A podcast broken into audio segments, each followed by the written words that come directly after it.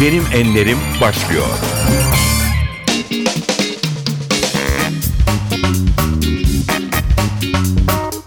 NTV Radyo'nun Benim Enlerim programına hoş geldiniz. Ben Aynur Altunkaş. Bugün hayatını doğayla insanı yeniden buluşturmaya adamış bir isim. Serdar Kılıç konuğumuz. hipoterminin yani soğuğun vücudum olan etkisini en fazla suya girerek hissedebilirim şu anda. Ben de buz tabakasını kırıp onun içine girmeye çalışacağım. Tanımadığınız ve bilmediğiniz mantar kesinlikle zehirlidir. Bunu böyle kabul etmek gerekir. Eğer doğada hayatta kalma ile ilgili bir mücadele veriyorsanız bilmediğiniz mantarı yerseniz hayatta kalma şansınız sıfır. Bugün de size bir insanın doğadan nasıl zevk alabileceğini, doğanın ona neler, neler verebileceğini, doğanın insana ihtiyacı olduğunu, insanın da doğaya ihtiyacı olduğunu göstermeye çalışacağım. Serdar Bey hoş geldiniz. Hoş bulduk merhaba. Türkiye sizi NTV'de yaptığınız doğa programlarıyla tanıyor. Neredeyse e, bir fenomen haline geldiniz. İnsanlar doğa koşullarında verdiğiniz mücadeleyi hayranlıkla seyrediyor ve sizden de birçok şey öğreniyorlar. Neler öğreniyorlar ve bunları siz nasıl öğrendiniz? E, Bunları çok merak ediyoruz ama önce şunu sorayım. Sizin için doğanın anlamı nedir? Doğa aslında Latince kökenli bir terim Nes Nasci'den doğar. Nature da oradan gelir zaten. Nasci yeniden doğmak, üretmek, yetiştirmek, canlandırmak demek. Doğanın anlamı da budur zaten. Toprakla bağını koparmış her şey canlılığını yitirir. Biz insanlar da öyle, diğer düşündüğümüz canlılar da öyle keza. Peki siz doğanın büyüsünü ilk ne zaman fark etmiştiniz? E, Dedemle ilk e, kendimi bilerek hayata başladığım zamanlar 4-5 yaşlarımda diyeyim size. Dedemin çiftliğinde başlamıştı. Düşünün bir çocuğu çıplak eğer siz atın üzerine bindiriyorsunuz ve öyle bir güven veren insan var karşınızda. Yaşı yüze yaklaşmış ve o da dört nal at binebiliyor. Size atın yelesinden gayım tut düşmeyeceksin. Atın cidagosunu ayaklarında kerpeten gibi sık sadece atın başını izle dört nal koşacaksın deyip de ilk bindiğinizde dört nal koşturan bir özgüvene sahip, bir duygu gücüne sahip bir insanla başlıyorsunuz bu işe. Ve siz 6 yaşındaydınız bunu Evet. yaparken. Nasıl bir çocukmuşsunuz? Çocukluğunuzda neler gördünüz? Şimdiki Pek- çocuklar kadar e, şimdiki çocuklar çok şanssız ama siz şanslılardan biriydiniz sanırım. Aslında onu çağa göre değerlendirmek lazım. Benim çağımın en şanslılarından bir tanesiymişim. Şimdi düşündüğümde öyle geliyor aklıma. Çocukluğumda hiç yerinde oturan bir adam değildim ben. Bir çocuk değildim diyeyim size. Okulda sıralarda bile 40 dakika ders dinlemeye üşenirdim. Sıkılırdım bazı derslerde. Hatta dersten çıkmak, kaçmak gelirdi içimden. Düşünün bu kimilerine göre şimdi hiperaktivite hastalığıdır. Evet. Oysa ki ben bir balığa gittiğimde aynı yere sabah güneş doğmadan seher vaktinden güneş batana kadar aynı yere çivilenip o balığı yakalamak için konsantre olurdum. Bu hiperaktivite değil bence Değil. doğanın sağaltıcı gücü var içinde. Beni sağaltan bir şey vardı orada. Ben de o gücü hissettim içimde. Nerede geçti çocukluğunuz? Babam asker olduğu için Türkiye'nin bir sürü yerini dolaştım ve inanın bana iyi ki de dolaşmışım. Birçok kültürü yakından tanıma fırsatı oldum deneyimleyerek, deneyleyerek. Evet. Ee, onlarla aşırı neşir oldum. Her gittiğim yerden ağlayarak ayrıldım. Her gittiğim yere de ağlayarak giderken yeni arkadaşlarla tanışmanın sevinciyle gittim oraya. Ee, buluştuğum, görüştüğüm, gördüğüm kültürlerden çok etkilendim. Bence Anadolu e, en çok gezilmesi gereken, dünyada en çok gezilmesi gereken saf köylerin dolaşılması gereken bir güzel bir yer. Yıllardır zaten siz bu coğrafyada e, geziyorsunuz, içindesiniz. E, yıllar öncekiyle şimdiki arasında bir fark gördünüz mü? uçurum kadar var. Benim çocukluğumda dedemle beraber geçirdiğim kısa bir süreyi anlatırsam size yazları orada olurdum okuldan dolayı. Biçerdever öncesinde müthiş bir yaşantı vardı. İnsanlar kendi beden gücünü kullanarak mesela tırpan bilirsiniz. Evet. Tırpanla ekinler biçilir. Tarlalarda uzun uzun çalışılır. Acayip güçlü bir bedene sahip olmanız lazım. Evde en güzel yemekler evin hanımları, anneleri, kızları tarafından yapılır. Tarlalara getirilir. Oradaki armut ağaçlarının altında yenirdi. Evet. Bakın aileyi bir arada tutan acayip bir unsur var Evet, orada. evet. Ee, zaten o ekim biçme işini harmana götürülene kadar size uzun uzun anlatsam şimdi 40 dakikaya yetmeyecek o. E, oraya gider dövenin üzerine binersiniz atlarla aşırı neşir olursunuz firik ütersiniz yemlik yersiniz acıkınca. Acayip bir şey. Sonra birisi dedi ki bakın bu 3 aylık bir iştir. Şenlikler olur, gece oyunları olur. 3 aylık iş. Biri geldi dedi ki sonra 1980'lerin başı. Ya arkadaşlar niye bunlarla uğraşıyorsunuz? Biçer döver diye bir alet çıktı. Sizin bu 3 ayda yaptığınızı bir saatte yapıyor. Hakikaten Ya. öyle. Tarlaya bir giriyor arkadan çuvallara doluyor buğdaylar. Doğru. Oysa ki şimdi düşündüğümde bana göre biçer döver bizim kültürümüzü biçti dövdü. Ekinlerimizi biçmedi. Şimdi köye gittiğimde birileriyle konuştuğumda o civarda. Mutlu musunuz? Hayır. Neden? Ya diyor traktörüm var, patosum var, arabam var, her şeyim var. Ama geçmiş dönemde biz o bedensel işçilikle kazandığımız bu buğdayın arkasından gittiğimiz yolda bir urupla, urupla buğday ölçü birimidir. Bir urupla buğdayla 8-9 urupla buğday elde edebiliyorduk. Ama şimdi bir urupla buğdayla her şeyim olmasına rağmen bir buçuk urupla buğday elde edebiliyorum. Hastanelerden de çıkmıyoruz. Evet. Bence teknoloji bize bir sürü şey getirdi ama hayatımızın kalitesi bize getirdikleriyle değil bizden neyi götürdükleriyle ölçülmeli. Evet. Hastanelerden de çıkmıyorlar. Bakın her üç çocuktan bir tanesi obez eğilimli Anadolu'da. Evet. Benim çocukluğumda obezite diye bir işim, Evet, isim yoktu. evet. Obez nedir bilmezdik. Affedersin utanırdık söylemeye şişko derdik birisine. Ya, O da çok çok kızarlardı öyle bir şey söylendiği zaman da evden. Nasıl bir kültür vardı hepsi bir anda biçildi gitti. evet. Peki sohbet e, devam edecek ama şarkı arası vereceğiz. Tamam. E, ilk şarkı ne olacak? O zaman ilk şarkı ne olsun? Çok sevdiğim bir arkadaşım var Okan Murat Öztürk. Onun ağzından evlerinin önü handır olsun. Evet. Peki az sonra yeniden birlikteyiz.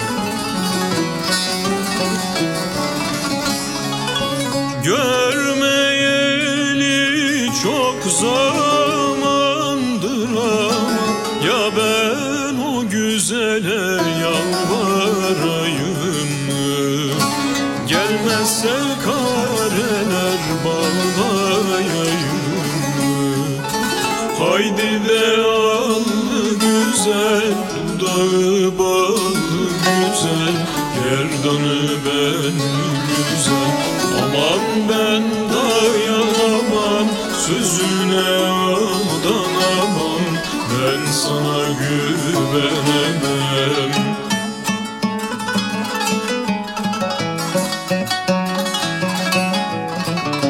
NTV Radyo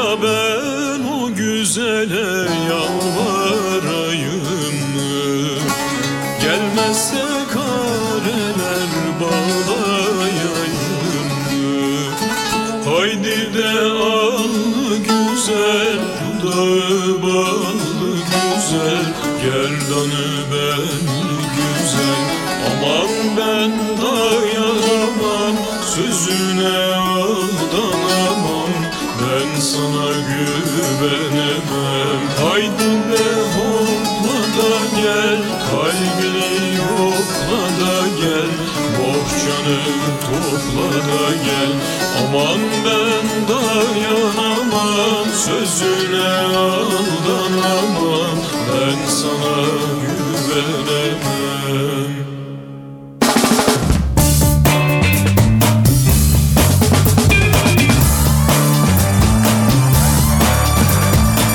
Benim Enlerim. NTV Radyo'da benim enlerimde konuğumuz Serdar Kılıç. Hepiniz onu çok yakından tanıyorsunuz. NTV'de yaptığı doğa programlarıyla biliyoruz. Bize doğada hayatta kalmanın yollarını öğretiyor. Peki siz bunları nereden öğrendiniz? Yazılı mı bir yerlerde yoksa deneyimlediniz mi? çoğunu deneyimledim ve deneyimlemiş insanlarla sohbet ederek öğrendim. Çünkü bakın bu kanıtlanmış bir şey. Bir insan okuyarak ve dinleyerek öğrendiklerinin ancak yüzde onunu aklında tutabilir. Yaşayarak ve deneyimleyerek yüzde yüzünü aklında tutabilir. Bunu herkes Doğru. biliyor. Deneyimleyen ve yaşayan kim? Atalarımız. Evet. Doğada yaşayan atalarımız. Şehirde değil bakın. Doğada yaşamasını bilen atalarımız. Onlar da şu an en iyi bilenler arıcıdır, işte balcı diyelim, e, çobandır. Buna benzer insanlar. Evet. Onlarla sohbet etmesini bilirseniz, onların dilini konuşabilirseniz, onlardan o kadar çok şey öğrenirsiniz ki Ana Britannica gibidir bir çoban. Onunla bir konuşun. Dünyanın en iyi şairidir o aslında. Onu doğa konuşturuyor zaten. Bakın bir programımda parmağım kesilmişti. O parmak 4-5 milim. Yönetmen dedi ki Serdar bunu dikiş attırıp bir an önce e, e, kontrol altında tutmamız lazım. Çünkü sakın, sakıncalı bir şey gözüküyor. Aslında şimdi çağda baktığımız zaman doğru söylüyor.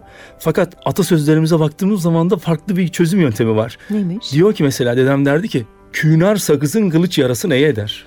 Künar köknar, ağacı Köknar demek. demek. Hmm. Sakız reçinesi demek. Ağacın reçinesi topraktan aldığı o elektroliti minerali içinde özümseyerek bir reçine gibi ilaca dönüştürüyor. Ağacın yukarıdaki toprağın üstündeki dal parçası kırıldığı zaman Evet. e, rüzgarlı olabilir, karlı olabilir, fırtınayla olabilir.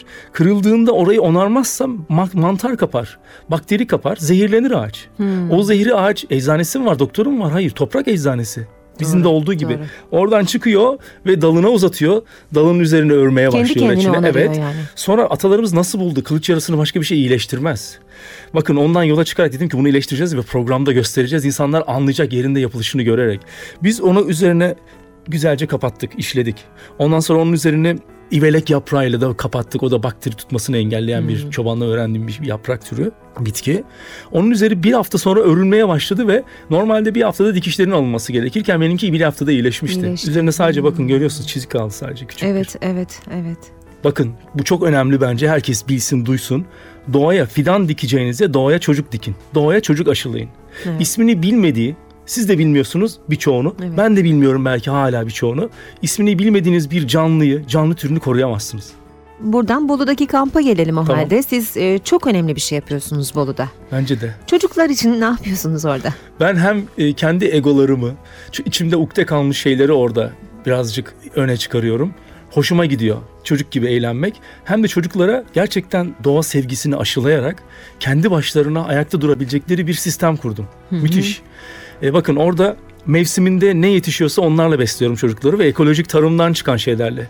Dışarıdan gelen bir tohumdan da değil. Onu öğretiyoruz. Yemek çok önemli bir şey biliyorsun. İnsanları Evet, bir arada tutan evet. bir şey. E, toprağa sahip çıkmak için de önemli bu tohumlar.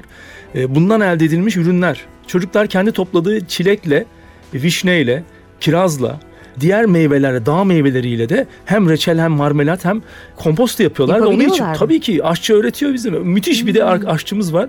O öğretiyor. Sırf bununla bile çocukları ben orada bir hafta tutabilirim. Evet. Bu değil asıl amaç. Çocuğu alıp dağa, doğaya götürüyoruz. Nasıl kalabileceğini gösteriyoruz. Kendi içinden geldiğince öğrendiklerini uygulayarak hadi bir barınak yap diyorum ona. O yapıyor barınağını. Çocuklar diyorum üç kişisiniz bu gece burada uyuyacaksınız. Onlar bir oba oldu artık orada. Korkmuyorlar mı? Hayır çünkü ona korkuyu ancak bilmeyen birisi aşılar. Ben korku aşılamıyorum ki. Ona ona güven aşılıyorum Evet. orada. iyi bir lider gerekiyor tabii Evet böyle bir kesinlikle şey için. onun arkasından yürümek lazım. Benim korkmadığımı gören birisi o da korkmayacaktır. Evet, evet. Küçükken dedem ekim biçiyor tarlada. Ayağının üstünden bir yılan geçti kocaman. Hmm. Öyle bir korktum ki bana anlatılan hikayede o yılan beni yiyecek, zarar verecek. Ya. Küçüğüm. Sonra dedemin yüzüne bir baktım dedem gülüyor. Anladım ki o yılan zararsız. Duygular bilgiden daha önemli bir insana bir şey öğretiyorken. Bir de e, doğada duyular çok hassas oluyor değil mi? Bravo. Aynen çok iyi yere temas Evet. ettiniz. Şehirde sadece görsel ve işitsel duyumuzla Evet. yaşıyoruz. Çocuğa bir priz verin. Çocuğun dünyası önüne açılır ama sadece görsel ve Evet. işitsel duyusuyla orada çalışır. Diğer duyularını köreltir. Evet. Doğada bir ayı görün. Önce korkarsınız. Sonra o korku bir şeye hizmet eder. Duyularınız tavanda çalışır. Evet. Ve ondan ya kaçma yolunu bulursunuz ya da sıvışma ya da mücadele etme yolunu Evet, diyeyim size. evet. Ama hayatta kalırsınız. Bütün duyularını kullanabilen bir canlı ancak survive edebilir, hayatta kalabilir. Evet. Peki tekrar kampa dönecek olursak siz o eğitimi ne kadar süreyle veriyorsunuz ve Ee, kaç yaş grubu çocuklar geliyor? 8-16 arası ama onları da yaş gruplarına göre 3'e böldük. Birer hafta ders eğitim alıyorlar bizden. Hmm. E, o bir hafta içerisinde anlattığım doğayla temas kurmak için bir sürü şey. Ateş yakmayı öğreniyorlar. Kibrit çakmak kullanmadan. Barınak kurmayı öğreniyorlar. Nereye ev, barınak yapılabilecek onu biliyor çocuk. Güneşle, yıldızla yön bulmayı öğretiyoruz. E, aç kaldığın zaman yiyecek bulmasını, o yiyeceği nasıl steril edeceğini, ateş yaktığın zaman her şeyin çözülebileceğini öğretiyoruz. Çok basit şeyler Çok bunlar. önemli temel. ama. Evet hayat zaten barınma ve yaşı üzerine kurulu. Evet. Bunları severek yapıyor çocuk. Evet. Peki bir şarkı dinleyeceğiz yine. Ne olsun sıradaki? Sıradaki de Patara Balesi olsun Fazıl Sayın. Tamam. Az sonra yeniden karşınızdayız.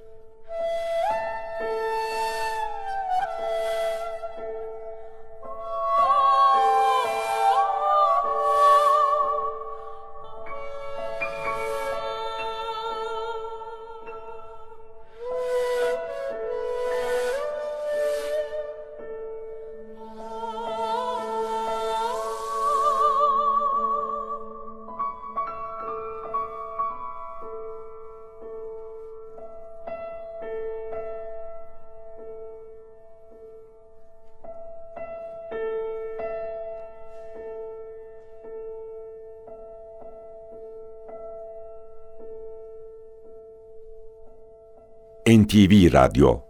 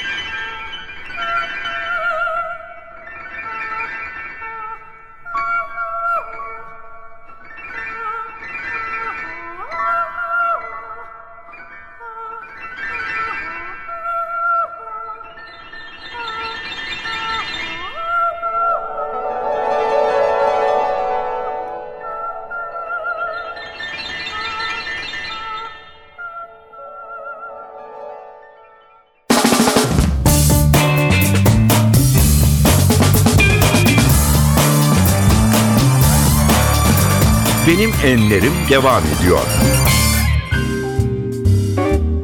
Hayatını doğayla insanı yeniden buluşturmaya adamış bir doğa insanı. Serdar Kılıç bugün konuğumuz benim enlerimde. Üniversitelerde öğretim üyesiyken grup dinamikleri ve liderlik gibi dersler verdiniz. İnsanın doğada verdiği mücadele, e, zorlu iş yaşamında kendisine peki nasıl bir fayda sağlar? İnsan ne öğreniyorsa zor koşullarda yaşadıklarından öğreniyor aslında. Zorluklarla yaşamak insanı kavuruyor. Şimdi ben doğada verilen mücadele aslında doğayla mücadele değil de doğayla birlikte yaşarken öğrendiğin o zorluklardan öğrendiklerin e, sana e, içinde müthiş bir manevi güç ve o da o manevi güçle beraber hem fizyolojik hem fiziksel güce dönüşen bir şeye enerji oluyor içinde. Hmm. O, onunla eğer şehirde yaşayabilen bir insansan zaten ikisini beraber yapabiliyorsan e, çok başarılı bir iş adamı da olabilirsin. Çok başarılı bir yönetici de olabilirsin.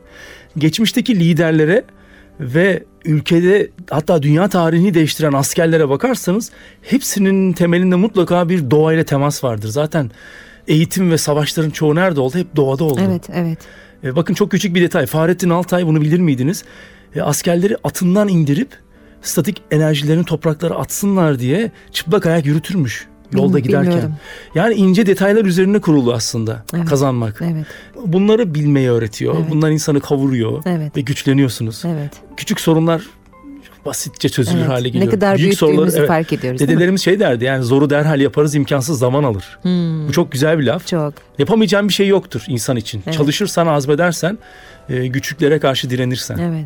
Biz bir maceraya atılmak istiyoruz. Ee, sırt çantamızda neler olmalı? O. E, ben o zaman şunu şöyle yanlış anlamazsanız. Aslında insanın sırt çantası dediğimiz şey kafasının içindeki bilgi. Benim için sadece bir bıçak hayatta kalmak için yeterli. Ne yapabiliriz o bıçakla? O bıçakla bakın ben ateş yakabilirim. Eğer ateş yakabiliyorsanız kaybolduğunuz bir ortamda hayatınız neredeyse kurtulmuş demektir. Çünkü giysileriniz ıslaksa kurutabilirsiniz.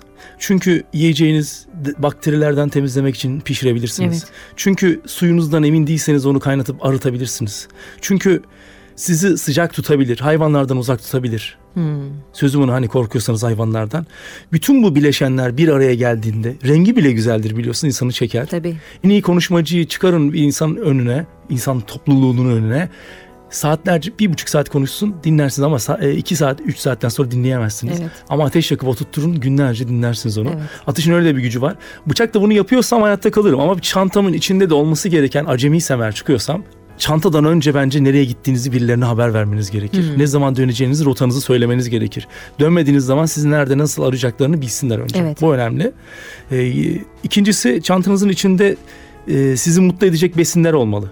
Hı hı. Ee, güzel uyuyabileceğiniz bir çadırınız, uyku tulumunuz olmalı. İnsanı motive edecek. Koyu renkler değil de daha çok içinizi açacak, klastrofobik olmayan, portakal renginde, Evet. turuncu renkte giysiler veya çadır seçin ki içi hava kötü de olsa hani kötü Evet. demeyeyim de karanlık, karanlık kapalı, kasvetli de olsa sizi iyi hissettirecektir. Böyle şeyler olmalı. İlk yardım malzemesi olmalı. Sizi kuru tutacak, tutabilecek giysiler olmalı Evet. vesaire. Diyelim ki mahsur kaldık. Evet. Ne o yapacağız? zaman bilmediğiniz bir yerse fazla hareket etmeyip o bölgede konaklamanızda fayda var. Çünkü dediğimiz unsurları yerine getirdiyseniz sizi birileri gelip bulacak. Birilerinin gelip bulma Evet. ihtimali çok yüksek. Ama hareket ettiğiniz zaman o sizi arama e, çapı, range'i dediğimiz yer genişleyecek. Her saat e, birer dilim birer dilim yukarı çıkacak. Belki sizi bir kilometre bir çap içinde arayacaklarsa 10 saat sonra 10 kilometre çap içinde aramak zorunda kalacaklar. Evet, evet, Bir gün sonra hareket ediyorsanız belki de 20 kilometrelik bir range'e çıkacaksınız. evet. Bu zor. Ee, tabii siz bunları anlatırken insanın aklına Türkiye'deki arama kurtarma faaliyetlerindeki durum da geliyor. Biz bu konuda çok başarılı sınavlar veremiyoruz galiba. Ee, çok iyi çalışan insanlar da var. Azmettiler, yapacaklar, başarıyorlardı bazı şeyleri ama eksikler de var maalesef. Bunda en büyük örneği kesinlikle iki sene önceki helikopter kazasında ölen Muhsin Yazıcıoğlu. Evet. Ve orada bir gazeteci vardı. Evet. İsmail Güneş. Evet, o gazeteci ölmezdi. Orada sadece çoban buldu biliyorsunuz. Evet. E, Bir arama kurtarma sadece kendi teorik olarak çalıştığınız masa üzerinde olmamalı. Kriz oradan yönetilmemeli. Kriz o coğrafyayı da ele almalı. Bakın o bölgenin en iyi bileni kimdir? Çobandır. Köylüleri, Evet. çoban. Evet. O bölgeyi en iyi bilen çoban üstelik keçilerin gezdiği bir coğrafyada çoban. Evet. Keçi çok dinamik bir hayvan. Çoban da öyledir. Bir sığır çobanı değil o. Keçi çobanı. Evet. Bir sığır günde 10 kilometre gidiyorsa bir keçi 100 kilometre yapabilir. Çok haklısınız. Ve nitekim onlar buldu. Peki sohbete yine bir şarkıyla ara verelim. Sıradaki şarkı ne olsun? Peki o kadar çok topraktan, doğadan bahsettik. Bence kara toprak olsun. Toprağı az görmüş ama toprağı bu kadar kıymetli bilen bir insan Aşık Veysel Şatıroğlu'ndan dinleyelim mi bunda? Çok güzel bir seçim. Az sonra yeniden karşınızdayız.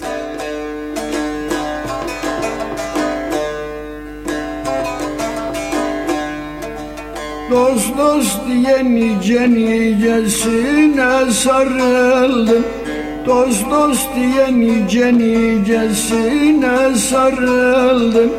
Benim sadık yarim kara topraktır. Beyhude dolandın ey yer boşa yoruldum. Benim sadık yarim kara topraktır Kara topraktır Nice güzellere bağlandım kaldım Bağlandım kaldım. NTV Radyo. Nice güzellere ne yar bağlandım kaldım Bağlandım kaldım. Ne bir vefa gördüm ne faydalandım Her türlü isteğimi yar topraktan aldım Benim sadık yarim kara topraktır Kara topraktır. Koyun verdi kuzuyu verdi süt verdi verdi süt verdi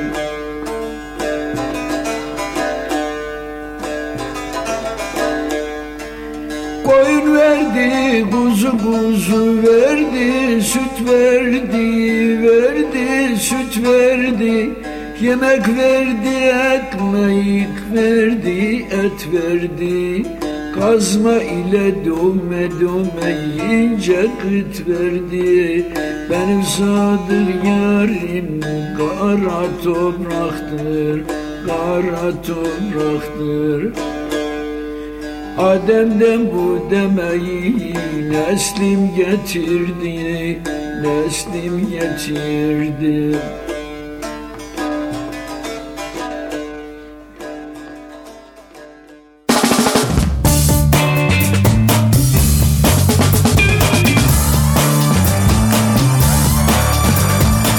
Benim Enlerim.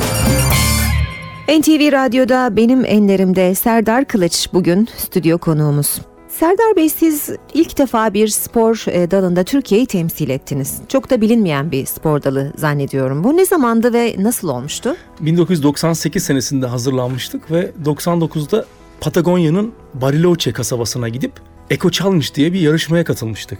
Hakikaten çok zorlu bir yarışma. Dört- Survivor tarzı bir yarışma mıydı? Ee, içinde bir takım survival gerektiren, yani hayatta kalma teknikleri gerektiren şeyler de var. Ama kuralları var.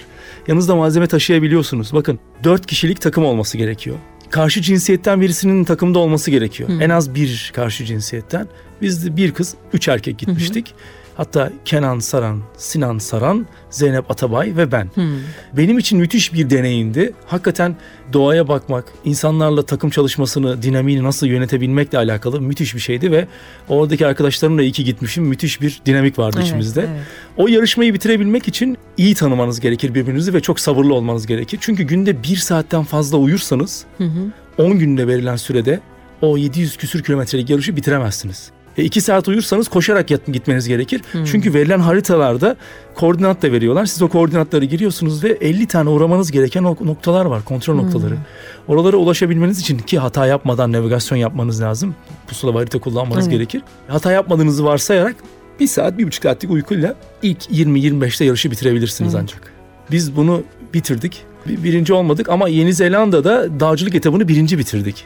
Ondan e, iki sene sonra gittiğimiz yarışmada Borneo'dan sonrakinde e, orada bayağı bir onur duyacağımız, gurur vereceğimiz Evet. bir şey oldu hem bizim hem ülkemiz için. Evet. E, sonuçta siz elçisiniz, ülkenizi Evet. temsil ediyorsunuz.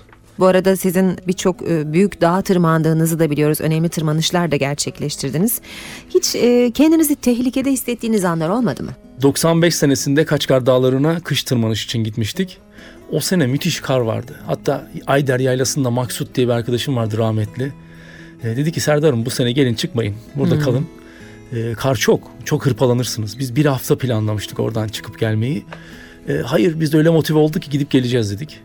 E, ama çok zorlayacak bir şey olursa da döneriz dedik zirveye çıkmayız. Hakikaten acayip zor 3 metre 4 metre karın olduğu Ayder Yaylası'nda o kadar kar var. O karda yürü yürü yürü ayağımızda hedik olmasına rağmen çok batıyorduk. Dört günde dağın dibine varabildik.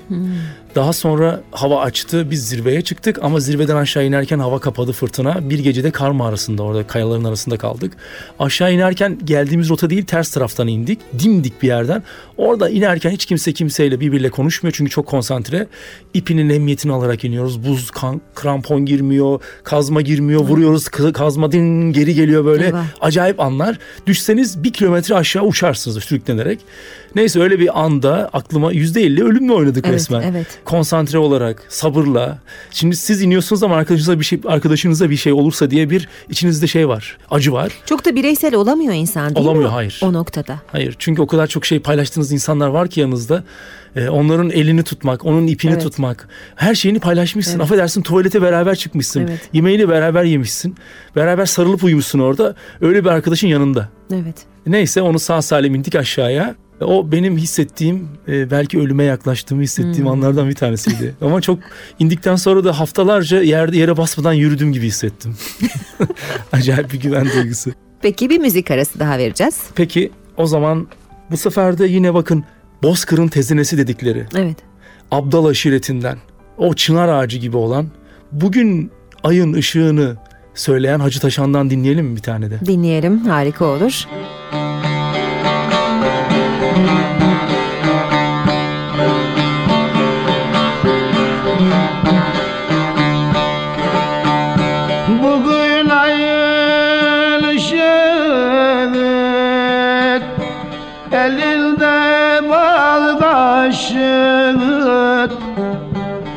Yine nereden geliyor da mahreni yakışır? Yine nereden geliyor malenin yakışır? Vay neredesin neredesin? Kaldır camın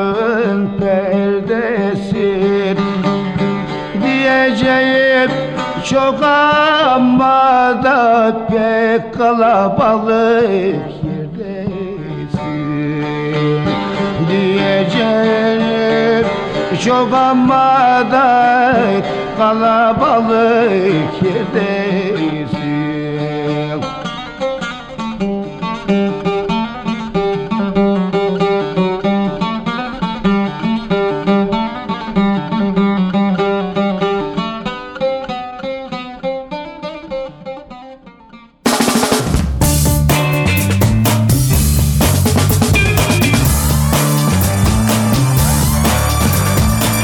Benim enlerim. Serdar Kılıç bugün benim enlerimde konuğumuz. Serdar Bey insanlara güven veriyorsunuz. Ee, internette hakkınızda bazı tanımlamalar var. En kanka olunası ünlülerden biriymişsiniz. Oo memnun oldum. Ee, bir dergide sizi en güvenilir erkek seçmiş. Bu güven duygusunu nasıl verdiniz?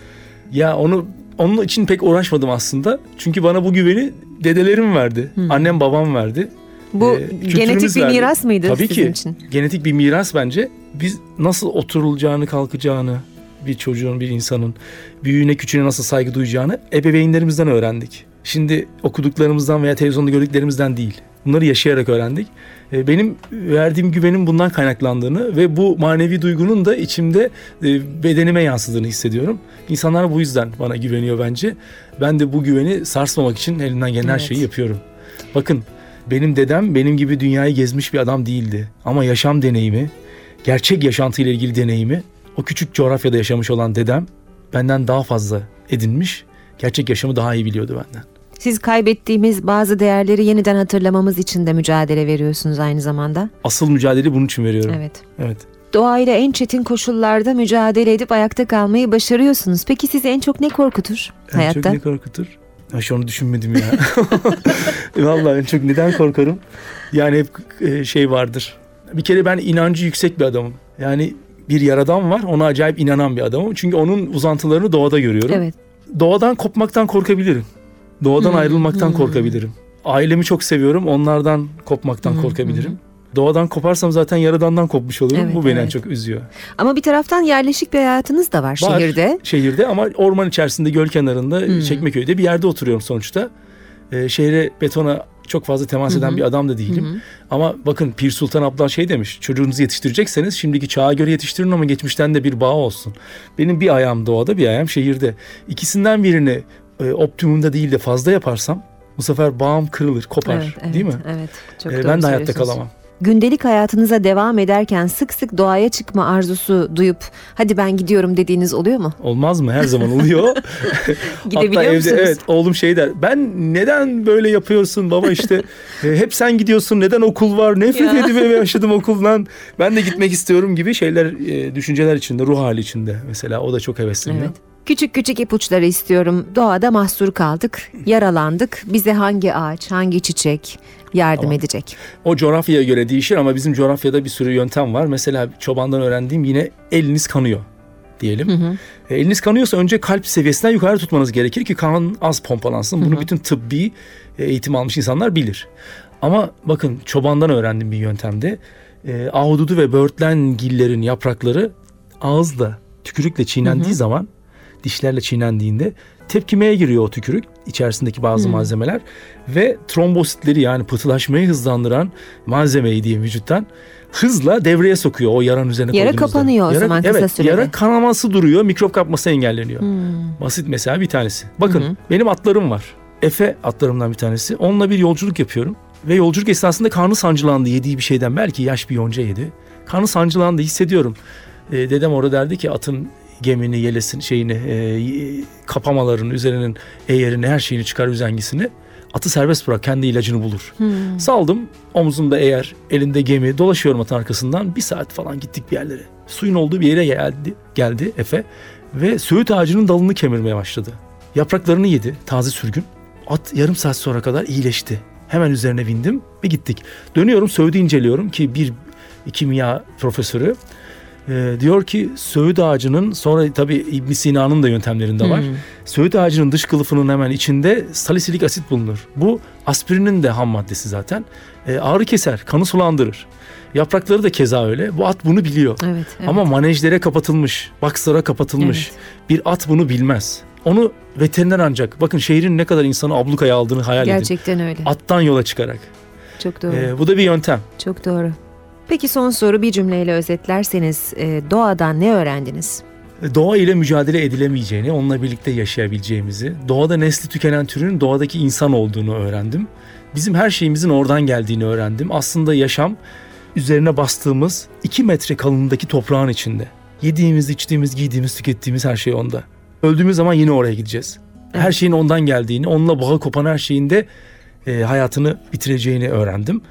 Biz toprakta yaşamıyoruz. Asfalt ve betonda yaşıyoruz. Öldüğümüz zaman oraya gideceğiz. Bunda bir terslik var. Evet, Orada yeniden yaşamak gerektiğini öğrendim. evet. Peki Serdar Kılıç çok keyifli bir sohbetti. Çok teşekkür ederim. Son şarkının anonsunu alalım sizden. O zaman çocukluğumda dağa gittiğimde bir arkadaşım sürekli Dire Straits dinletirdi. Çok sevdiğim ve anılarımın olduğu Brothers in Arms'ı istiyorum. Harika bir şarkıyla veda ediyoruz. Tekrar teşekkürler. Ben de.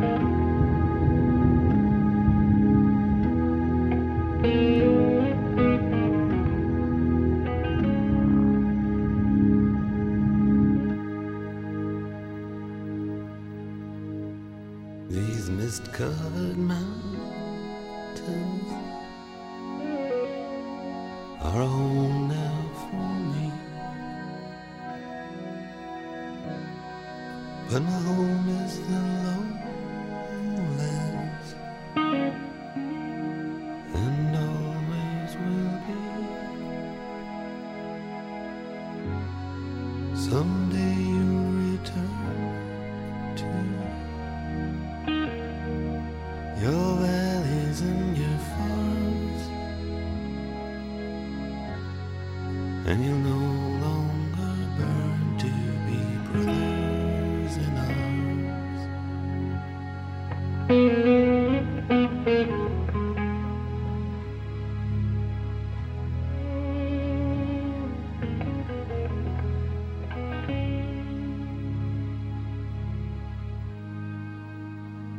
NTV Radyo through these fields of destruction. Baptisms of fire.